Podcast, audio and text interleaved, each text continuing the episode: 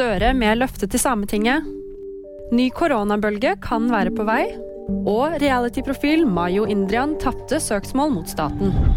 Støre taler til Sametinget og lover bedre rutiner.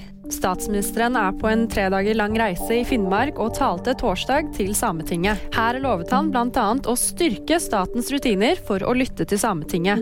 Støre tok også opp hets mot samer i kjølvann av Fosen-demonstrasjonene. Det er alvorlig, det skaper utrygghet, det er uakseptabelt. Vi skal ikke ha det sånn, sa Støre om hetsen. Funn av koronavirus i avløpsvann og flere innleggelser kan være tidlig tegn på en ny bølge med covid-19, ifølge Folkehelseinstituttet.